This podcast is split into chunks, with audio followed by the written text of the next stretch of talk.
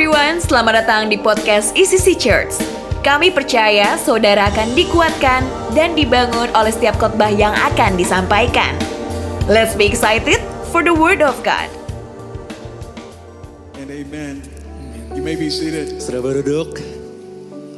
Isn't it wonderful to be in the presence of God? Bukankah sangat indah untuk berada di hadirat Tuhan? There is nothing like His presence. Amen. Gak ada yang bisa menyamai hadiratnya, amin. If you had all the money in the world, Mau kita punya semua uang di dunia, you could not buy His presence. kita nggak bisa beli hadirat Tuhan. But He died on the cross Tapi dia mati di kayu salib to allow us entrance into His presence. untuk membiarkan kita masuk ke hadiratnya. So truly, for Him alone is worthy of all our praise. Jadi hanya dia yang layak terima setiap pujian kita. Amen. Amin. Well, I'm Pastor Floyd Ellsworth Saya Pastor Floyd Ellsworth from Dallas, Texas. dari Dallas, Texas. And although I am from Dallas, Dan meskipun saya dari Dallas, I want you to know saya mau sudah tahu that I've come home. bahwa saya lagi pulang sekarang ke tempat ini. I truly love this church. Saya sangat-sangat mengasihi gereja ini. You are family to me. Saudara adalah keluarga buat saya. Pastor Nile is my dear brother. Pastor Nawai itu saudara terdekat Dr. sahabat saya. Evie, just I love with all of my heart. Saya mengasihi Dr. Evi dengan segenap hati saya. And I carry you in my heart. Dan saya selalu bawa mereka dalam eh, hati saya. I messaged my team and I said, be praying even now. Saya kirim pesan ke tim saya di Amerika, doakan kami di sini. So there are intercessors in America praying for this service right Jadi ada tim now. doa di Amerika lagi berdoa buat ibadah kita saat ini. We love you. Begitulah kami mengasihi saudara. And we're part of your family. Kami adalah bagian keluarga saudara. Speaking of family, it's been a while since I've been with you. Ngomongin soal eh, keluarga, udah lama sejak setelah kali datang ke sini. So I want to uh, show you a couple of photos of my family. Jadi saya mau kasih lihat beberapa foto keluarga saya. The first one is my beautiful wife Yang pertama ini eh, istri saya yang cantik with my daughter, dengan putri saya. Whom you'll see a lot of. Dan nanti bakal banyak fotonya. We only have one daughter, Kami cuma punya satu putri.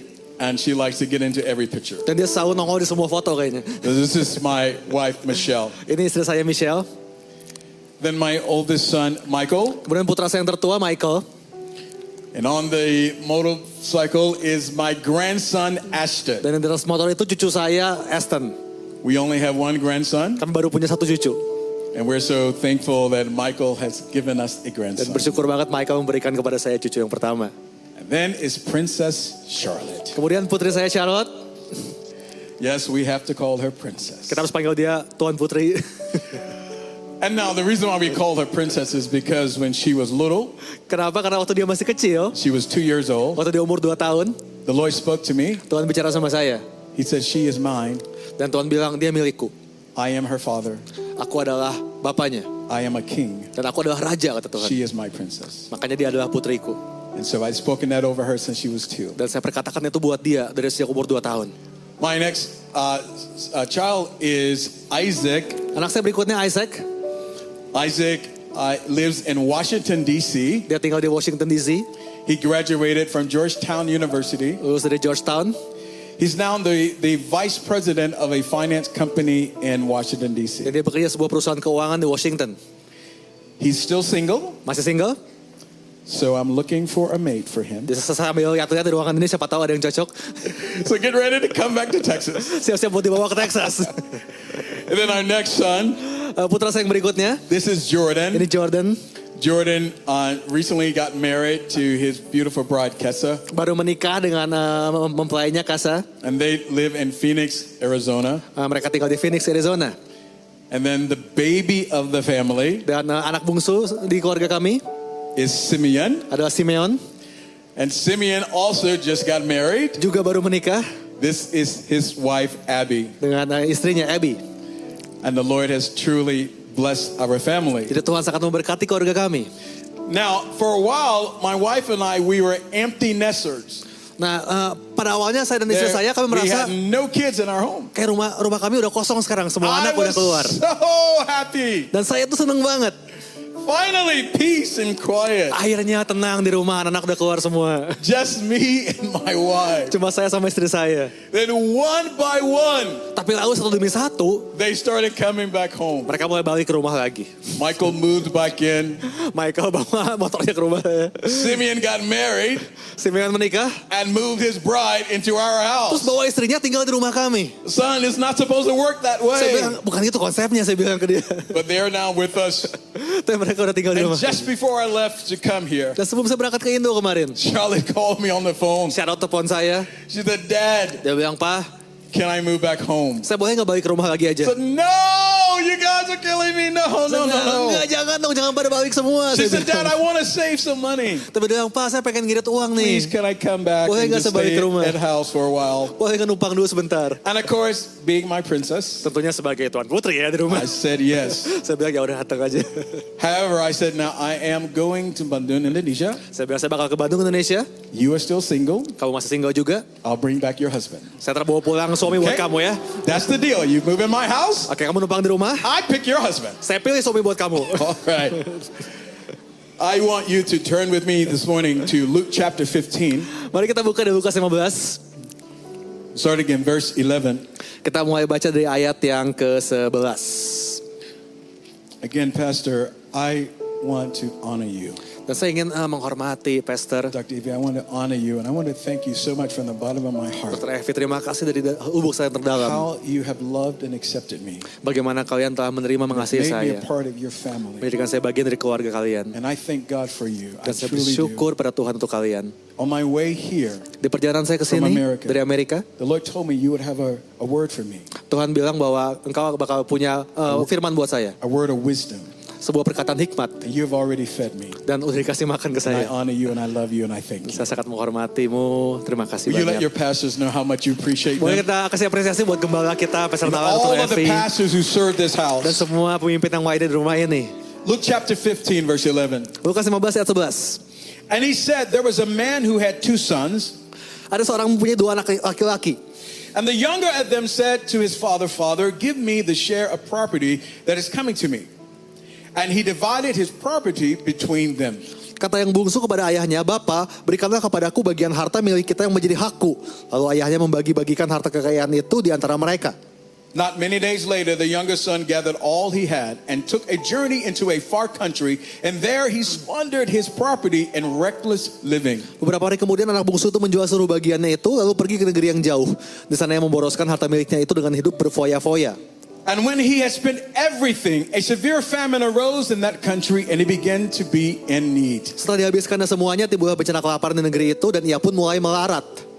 So he went and hired himself out to one of the citizens of that country, who sent him into the fields, into his field to feed pigs. Lalu ia pergi dan bekerja pada seorang majikan di negeri itu. Orang itu menyuruhnya ke ladang untuk menjaga babinya. And he was longing to be fed with the pods that the pigs ate, and no one gave him anything. Lalu ia ingin mengisi perutnya dengan ampas yang menjadi makanan babi itu, tapi tidak ada seorang pun yang memberikannya kepadanya. But when he came to himself, he said, How many of my father's hired servant have more than enough bread, but I perish here with hunger? Lalu ia menyadari keadaannya, katanya betapa banyaknya orang upahan bapakku yang berlimpah-limpah makanan, tetapi aku di sini mati kelaparan. I will arise and go to my father, and I will say to him, Father, I have sinned against heaven and before you. Aku akan bangkit dan pergi kepada bapakku dan berkata kepadanya, Bapa, aku telah berdosa terhadap sorga dan terhadap Bapa.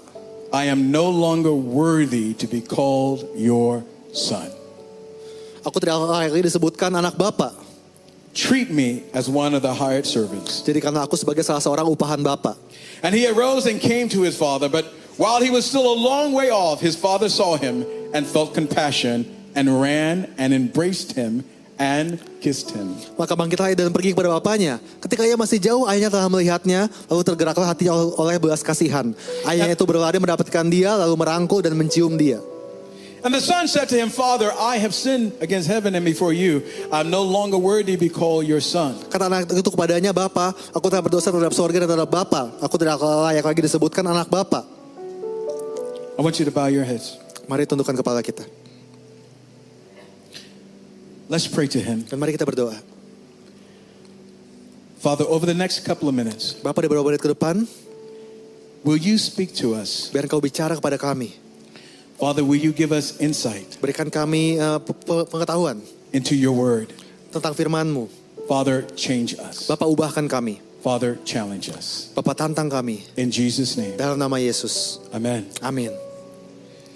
So I, I have a funny story for you. Saya punya kisah lucu buat saudara. You ready? Siap ya? So a drunk man stumbles onto a baptismal service on Sunday afternoon down by the river. Jadi suatu hari minggu ada seorang pemabuk yang datang ke sebuah ibadah waktu lagi ada baptisan di sungai. He proceeds to walk down into the water and stand next to the preacher. Lalu si pemabuk ini turun ke sungai itu lalu dia berdiri di sampingnya si pengkhotbah. The minister turned and noticed the old drunk man and says, Mister, are you ready to find Jesus? Pendetanya ngelihat si pemabuk ini dan dia bilang, Pak, Bapak siap buat menemukan Yesus? The drunk man looked back and said, Yes, preacher, I sure am. Seorang mabuk ini bilang, iya Pak, saya siap. The minister then dunks the fellow under the water and pulls him right back up.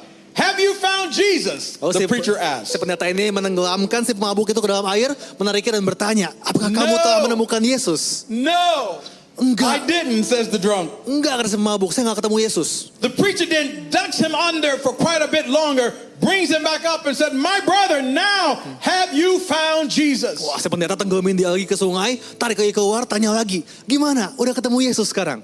No, I did not, Reverend. Enggak belum Pak Pendeta, kata si pemabuk. The preacher, in disgust, holds the man under for at least 30 seconds this time, brings him up, and says in a harsh tone, My God, man, have you found Jesus yet? Si pendeta ini makin gemes, dia tenggelamin orangnya 30 detik di air, tarik keluar dan tanya lagi, gimana? Udah menemukan Yesus belum?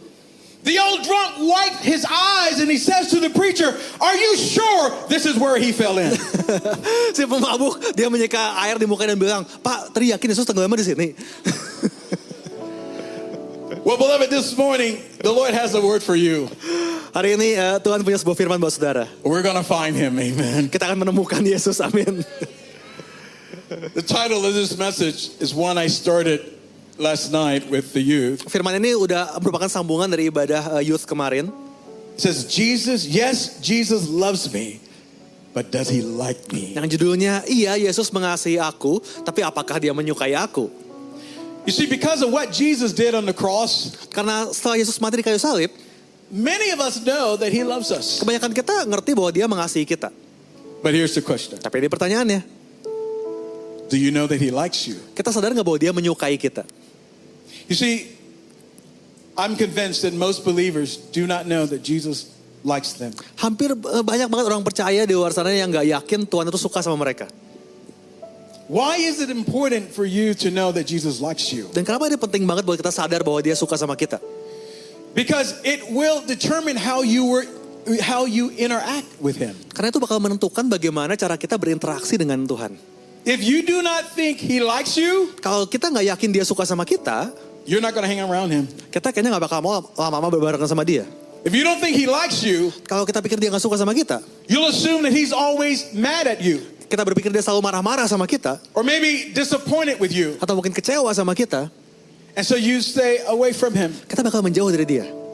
And even though you worship him, Meskipun kita lagi menyembah, even though you're in his presence, meskipun lagi hadirat Tuhan di gereja, you still find that your heart is distance from him. kita kayaknya tetap merasa hati kita jauh dari Tuhan. You see, beloved, Adam and Eve, they were in the presence of God, Adam dan Hawa itu mereka tinggal dalam hadirat Tuhan, but they still were able to hide. tapi tetap mereka berusaha buat sembunyi. Just because you're in his presence Jadi hanya karena kita ada dalam hadirat Tuhan tempat ini, doesn't mean that you're not hiding. itu nggak berarti kita itu nggak bersembunyi. Doesn't mean that you don't feel worthy. Belum tentu jangan-jangan kita merasa kita juga nggak layak. Even though you're in his presence, Meskipun kita di hadirat, di hadirat Tuhan, sometimes we hide from him. kadang-kadang kita bersembunyi dari Tuhan. So knowing that Jesus likes us is very important. Itu sangat penting buat kita mengetahui bahwa Tuhan itu menyukai kita. The strongest desire of any person is to be loved and to be liked. Hasrat terbesar dalam diri setiap manusia adalah untuk dikasihi dan disukai. Those are the two strongest emotions inside of us. Ini dua emosi yang paling kuat dalam diri setiap kita. Everybody wants to be loved. Semua orang pengen dicintai. Everybody wants to be liked. Semua orang pengen disukai. Beloved, Jesus understands that. Dan Yesus mengerti itu. And here's the thing Dan ini masalahnya. you cannot repent for wanting to be loved, Kita nggak bisa bertobat dari pengen dicintai. you cannot repent for wanting to be liked. Kita nggak bisa bertobat dari pengen disukai. Now, you'll have to repent how you go after it, Kita harus bertobat dari cara kita mengejar cinta atau rasa suka itu. how you seek it. Bagaimana kita mencarinya. You may seek it in wrong ways, Kita mungkin bisa mencari dengan cara yang salah. but the longing is still there. Tapi hasratnya bakal tetap selalu ada. The longing is there because He put it there. Karena Tuhan yang taruh di situ You hasratnya. were made in His image, Kita diciptakan segambar dengan after Tuhan. His likeness. Dengan serupa dengan Allah. He is love. Dan Allah adalah kasih. Therefore, you also will desire to be loved. Makanya kita pasti punya hasrat untuk dikasihi. In our text, Jesus tells the story of this prodigal son. Nanti kita baca kisah tadi mengenai anak bungsu.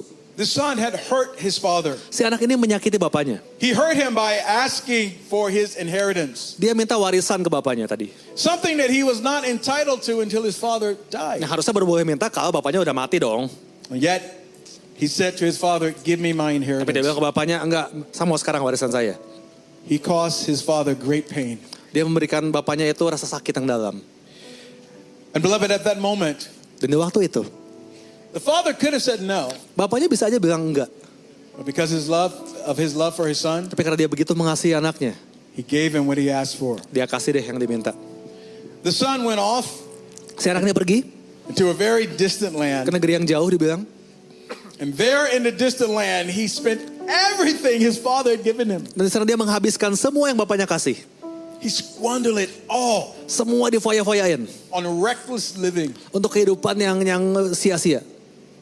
One day, Dan satu hari, there he's so hungry dia udah begitu kelaparan karena udah habis semua. that he is actually, he's longing to eat the food that is fed to pigs. Sampai dia pengen makan makanan babi saking laparnya. Now, here's what you must understand Nah, saudara perlu ngerti ini. the fact that he, he was around pigs Bahwa dia itu bekerja di kandang babi, meant that he was unclean itu artinya dia itu udah, udah najis. Because the law was clear Karena kalau di menurut hukum Taurat, pigs are unclean. babi itu binatang najis, binatang haram. Jews would not go around pigs. Orang Yahudi itu nggak bakal dekat-dekat sama babi. Not only was he around them, Nah bukan cuma dia ada di sekeliling babi, he's feeding them. dia makan makanan babi. Which tells us, beloved, Tapi ini artinya apa? he had fallen into such a place of uncleanness. Si anak ini udah jatuh begitu najis. And sometimes you and I, we do things that make us unclean in his eyes. Dan Kadang-kadang kita juga buat kesalahan yang menajiskan kita di mata Tuhan. Sometimes, like this younger son, Seperti si anak bungsu tadi, we stray away from God. kita menjauh dari Tuhan. Sometimes, like this younger son, Dan seperti si bungsu tadi, we find ourselves doing things that we would never do. kita melakukan hal yang harusnya kita nggak pernah lakukan. We find ourselves away from God's presence. Kita menjauh dari hadirat Tuhan. And three, three things now will take place in a person's heart Dan tiga hal akan terjadi di hati kita who feels away from God saat kita menjauh dari Tuhan. guilt, Rasa bersalah, shame, rasa malu, and rejection. dan rasa tertolak. This young man is suffering with a lot of guilt. Anak muda ini merasa begitu bersalah. He's suffering from a lot of shame. Dia merasa malu kan kesalahannya. He knows that what he's done is wrong. Dia tahu dia udah buat kesalahan besar. But there he is longing for food, Tapi dia lapar banget. and he's willing to eat that which is fed to pigs. Sampai dia mau makan makanan babi aja lah udah. You know, beloved, that's a picture of sin. Ini adalah gambaran dosa. When the Lord cleanses us, Ketika Tuhan membasuh kita, he washes us. dia membersihkan kita. Sometimes we sit and we eat that which is unclean. Kadang-kadang kita duduk dan makan apa yang najis. And I'm not talking about food. Dan ini bukan lagi ngomongin makanan, saudara. We allow unclean things to come into our eyes. Kita membiarkan hal-hal yang najis masuk ke mata kita. We do things that are unclean. Kita melakukan hal-hal yang najis. And our spirit feels dirty. Dan roh kita merasa kotor. And at that moment, we feel so guilty. Dan waktu itu kita, kita merasa bersalah. Lord, I told you I would never do this Dan again. kita bilang, Tuhan aku gak bakal buat ini lagi. Here I am sinning against you in the same area again. Eh, taunya kita jatuh di dosa yang sama-sama lagi. The devil will come to you Dan iblis bakal datang, and he will say, dan dia bakal bilang, You think God loves you? kau pikir Tuhan sayang sama kamu? No, he doesn't. Enggak, dia gak sayang. God doesn't love you. Tuhan gak sayang sama kamu. And let me tell you something else. Apalagi kamu tahu, He doesn't like you either. dia gak suka sama kamu. And we believe him. Dan kita percaya sama iblis. We believe him. Kita percaya dia. I shared this with the the the uh, uh, the youth last night. Saya bagikan kemarin kepada eh, jemaat youth. I didn't share this in the first service, Tadi di ibadah pertama saya nggak bagikan ini. but when I was in college, Waktu saya di eh, bangku kuliah, I was a new believer, waktu saya masih baru pertama eh, percaya Tuhan, and I struggled with feeling that God that He truly loved me. saya bergumul dengan hal ini. Apakah Tuhan beneran sayang sama saya atau enggak? The reason I had that struggle is because I was still doing some things that I knew I wasn't supposed to be doing. Karena saya masih melakukan banyak hal yang saya tahu harusnya saya nggak lakukan itu. As a new believer, I was still I was learning Christ, but I was giving in to temptation. Sebagai orang Kristen yang baru, saya tuh banyak sekali jatuh kepada pencobaan. And it made me feel like I was unworthy Dan itu membuat saya merasa nggak layak of his love. terhadap kasihnya Tuhan. One day my pastor called me in. Satu hari eh, pendeta saya panggil saya. He said to me, he said, Floyd, I want you to say to me that God loves you. Floyd, saya mau kamu bilang bahwa Tuhan mengasihi kamu. And when he said that, I looked at him and I couldn't say it. Nah waktu pendeta saya suruh begitu, saya nggak bisa ucapin tuh. And he said to me, wait a minute. Dan pendeta saya tanya, ntar dulu, You really don't believe that God loves you, do you? kamu nggak percaya kalau Tuhan mengasihi kamu ya? And then he said this, Kalau dia bilang begini, Floyd, Floyd, you don't really love yourself, do you? kamu nggak betul-betul mengasihi diri kamu sendiri ya? And at that moment, Dan di waktu itu, I broke. saya hancur. I began to cry. Saya mulai menangis. And I wept and I wept and I wept. Saya menangis, menangis, menangis. Because the truth was, Karena kenyataannya, it wasn't God who didn't love me. bukan Tuhan yang gak sayang sama saya. I didn't love me. Saya yang gak bisa sayang sama diri sendiri. And I put that on God. Dan saya nyalahin Tuhan buat itu. And in that moment, the Lord began to whisper to me, Dan waktu itu Tuhan mulai berbisik kepada saya. Son, I love you. Anakku, aku mengasihi engkau. I created you in my image, Aku menciptakan kau segambar dengan and you rupaku. are mine. Dan kau adalah milikku. And He healed my heart. Dan dia menyembuhkan hati saya. And I tell you, I I, continue to cry and I cry and I Dan saya cry. terus menangis waktu itu. And the Lord said something to me that was really interesting. Dan Tuhan bilang sesuatu sama saya yang sangat menarik. He said, Son, I understand the language of your tears. Dia bilang, anakku, aku mengerti bahasa air matamu. There are times that your tears will say something to me that your mouth cannot. Ada waktu-waktu di mana air matamu berbicara dengan kata-kata yang bahkan mulutmu gak bisa ucapkan. And the Lord began to heal my heart. Dan Tuhan mulai menyembuhkan hati saya. I want you to know, beloved, that He loves you. Saya mau saudara semua tahu bahwa dia begitu mengasihi engkau. Not only does He love you, He likes you. Bahkan gak cuma dia mengasihi engkau, dia menyukai engkau. He enjoys you. Dia menikmati saudara. This young man found out five surprising things about his father. Si anak bungsu ini menemukan lima kejutan tentang bapaknya. He decided to return home. Waktu dia pulang ke rumah, He's headed back to his father's house. dia kembali ke rumah bapaknya. The first thing that surprised him, Hal pertama yang mengejutkan dia that his father saw him. adalah bapaknya melihat dia. The father saw him. Bapaknya melihat dia. Which tells us, beloved, that the father sees us. Sama seperti Bapak di surga melihat kita. He's coming back down the path that he that, that he had left his father. Si anak ini kembali dengan jalan yang sama waktu dia pergi dulu. And we don't know how often his father had gone out to look for his son. Dan kita nggak tahu udah berapa kali si bapak ini keluar rumah dan ngeliatin ke jalan itu menunggu anaknya pulang. But we do know that the father is there and he sees his son from afar off. Tapi kita tahu bahwa ayahnya waktu itu ada di situ melihat anaknya datang dari kejauhan. In other words, he recognized him from a distance. Dan dia mengenali dari kejauhan anaknya. And that caused his father to do something that we're going to talk about in a minute. Dan itu mengakibatkan si bapak ini membuat tindakan yang nanti akan kita bahas. But beloved, though his son had been in a distant land, Tapi meskipun anaknya udah pergi jauh, when he decided to come home, ketika dia memutuskan buat pulang, the father saw him. bapaknya melihat dia. And I want you to know, Dan saya mau saudara tahu, the father sees you. bapak di surga melihat engkau. He will never take his eyes off of you. Dia nggak pernah memalingkan pandangannya dari engkau. He will never stop searching for you. Dia nggak akan pernah mencari engkau. Even when you walk away from him, Meskipun kau menjauh darinya, even when you have displeased him meskipun kau nggak menyenangkan dia, and disobeyed him, nggak taat sama dia, he will never take his eyes off of you. tapi dia nggak pernah mengalihkan pandangannya dari engkau. That's how much you are loved. Sedalam itulah cinta Bapa kepada engkau. And not only loved, Dan gak cuma cinta kasih, but liked by our God. tapi dia menyukai engkau. The second thing that surprised this young man, Hal kedua yang mengejutkan si anak bungsu, the father had compassion for him. Bapaknya punya belas kasihan terhadap dia.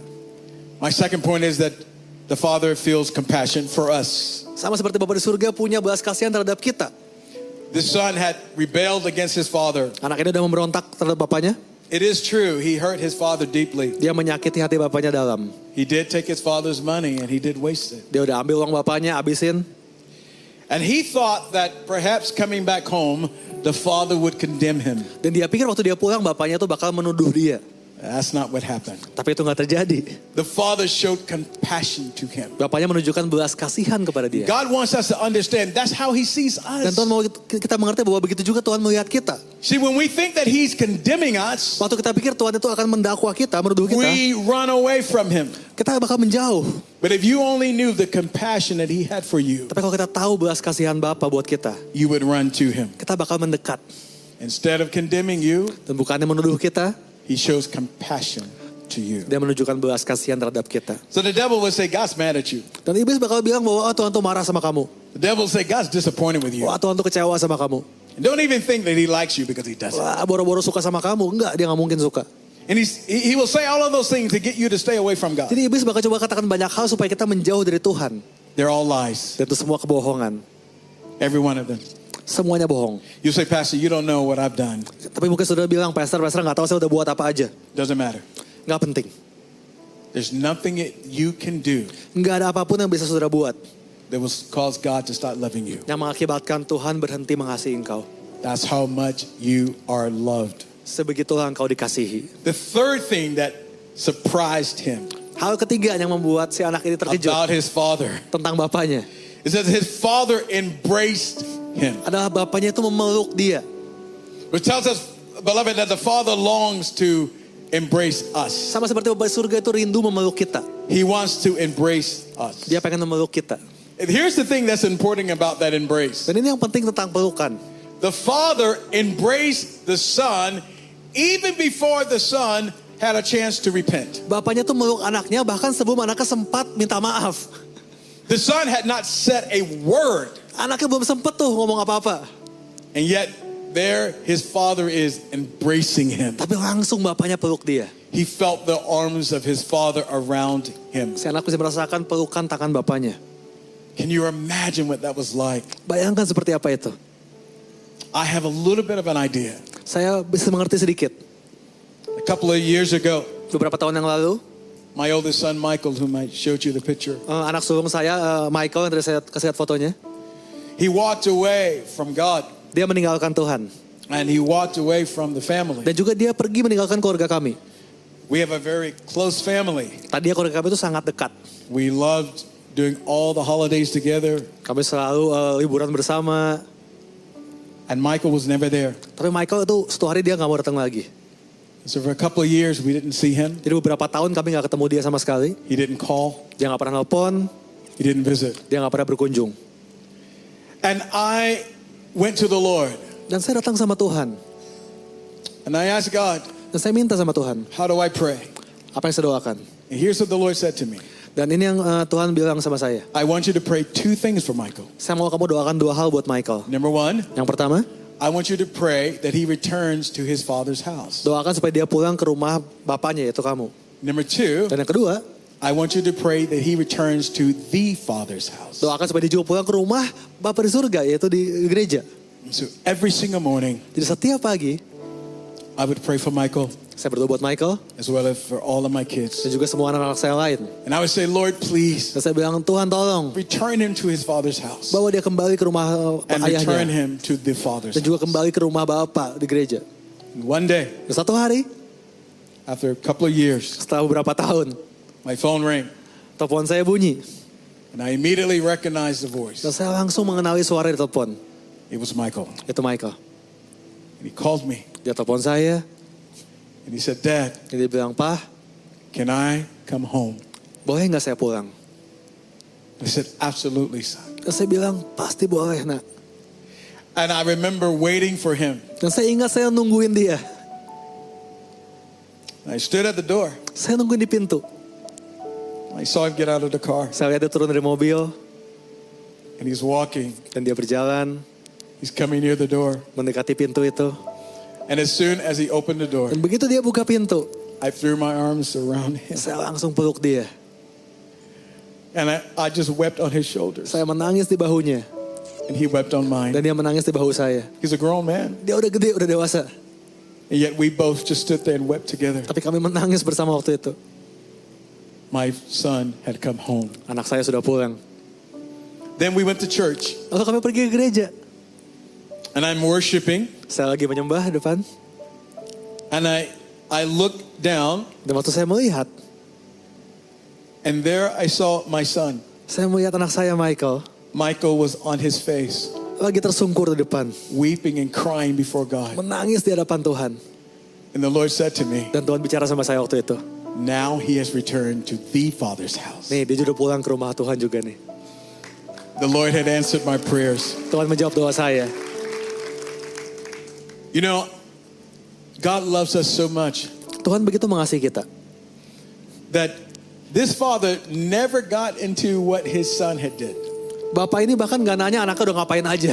I never asked Michael where he was. Saya gak pernah nanya ke Michael, dia udah ke mana aja bertahun-tahun hilang. I didn't even ask him anything. Saya udah gak tanya apa-apa. The Lord just said, just love him. Tuhan coba bilang udah kasihi dia aja. Here's the fourth thing that surprised the father as I begin to wrap this up. Hal keempat yang mengejutkan si anak. It surprised the son. Yang membuat si anak terkejut. The father showed him affection by kissing him. Si bapak menunjukkan kasih sayangnya dengan mencium anaknya. And I'm here to tell you that the father is also affectionate towards us. Saya mau bilang buat Tuhan juga begitu pengen menunjukkan kasih sayangnya buat kita. He wants to kiss us. Dia mau mencium kita. And I believe that's really what worship is all about. Dan saya percaya itu yang namanya penyembahan. I believe that worship allows God to give us a great big old kiss. Penyembahan tuh kayak Tuhan tuh lagi mencium kita. We feel his embrace. Kita merasakan pelukannya. And then we kiss him back with our worship. Lalu kita mencium dia kembali dengan penyembahan kita. Beloved, the Father is very affectionate towards you. Bapak di surga itu sangat mengasihi kita. No matter what you've done, Apa pun yang kita buat, He loves you dia mengasihi kita. and He's affectionate towards you. Dan dia ingin menunjukkan kasih sayangnya buat kita. The last thing that happened Hal terakhir yang terjadi. was the biggest shock to his son. Ini yang paling mengejutkan buat si anak tadi. The father ran to him. Bapaknya berlari menghampiri dia. And it lets us know that the father will run to us. Sama seperti Bapak di surga itu bakal berlari menghampiri kita. He saw his father running to him. Si anak melihat bapaknya berlari menghampiri. The father could not wait to get to his son. Bapaknya udah gak sabar pengen datang sama anaknya. He's running to get to him, Makanya dia berlari buat jemput. to throw his arms around Dan him. langsung peluk anaknya. Now, what's interesting about this, Nah apa yang menarik di hal ini? the story that Jesus is telling, Kisah yang Yesus ceritakan ini. that the father represents the father. Bahwa Bapak ini mewakili gambaran Bapak di surga. But yet we know in scripture that the father is seated on his throne. Tapi kan kita tahu dari Alkitab bahwa Bapak di surga itu dia duduk di atas tahta. Anytime we read about the father, he is seated. Tiap kita baca firman Tuhan, oh Tuhan itu bertahta. The father sits in a place of honor on his throne. Dia duduk di tempat terhormat di tahtanya. He sits in unapproachable light. Di sebuah eh, cahaya yang bahkan gak, gak bisa didekati. He sits as the ancient of days. Sebagai pencipta dari segala sesuatu. Even Jesus is seated on the right hand of the Father. Dan Yesus duduk duduk sebelah ta- kanan eh, tahta Allah Bapa. So, Jesus, what do you mean by telling us that the Father actually ran to his Son? Jadi kenapa Yesus bilang eh, perumpamaan ini bahwa Bapak itu berlari menghampiri anaknya? Isn't he seated? Bukannya dia lagi duduk di tahtanya ya? And Jesus would say to us, Yes, you are right. Dan Yesus tuh lagi mau bilang bahwa iya betul. The Father is seated. Bapak itu bertahta di surga. Except Kecuali when it comes to his child, waktu urusan who anaknya once was lost, yang tadinya hilang but now is found. tapi akhirnya kembali. Except when Kecuali- it comes to his child Kalau urusan anaknya or his daughter atau putrinya decided to come back to him. yang memutuskan buat kembali kepada dia. Except Kecuali when it comes to the one kalau urusan kepada who soal repents of their sins orang yang bertobat dari and they dosanya turn back towards the Father. dan kembali kepada Bapa. Except for the one Kecuali buat who orang-orang has tears of sorrow in their eyes. yang menangis di wajahnya And they say, I must come back to my dan Father. berkata aku mau kembali ke rumah Bapakku. Except when he sees the one who's brokenhearted, Kecuali buat ketika dia melihat orang-orang yang hatinya hancur turns their heart back to dan him. ingin kembali kepada Tuhan. It is then, beloved, Di waktu itulah that there is something deep in the Father's heart ada sesuatu di hati Bapa that will not allow him to stay seated. yang nggak bisa bikin dia tetap It is at that very Di moment waktu itulah that God says, I must come out of my seat. dia bilang bahwa saya harus I berdiri must leave my Saya throne harus and tinggalkan I tahtaku run towards my dan child. berlari menghampiri I anakku let them know I love them supaya dia tahu betapa and aku he throws his arms around Dan dia us. memeluk kita. He kisses us Dia mencium kita. and he lets us know Agar kita tahu, you are mine. engkau adalah milikku. You were created in my image Kau diciptakan serupa dengan segambarku. and after my likeness. Atas gambaranku. Beloved, the Father will run Bapak akan berlari whenever he sees a heart that turns to him. saat dia melihat hati yang berbalik kepadanya. I want you to bow your heads. Mari tundukkan kepala kita. Saya percaya ini pesan yang khusus buat setiap kita yang mendengarkan. We pray that this message will bless you and build you. See you at the next podcast.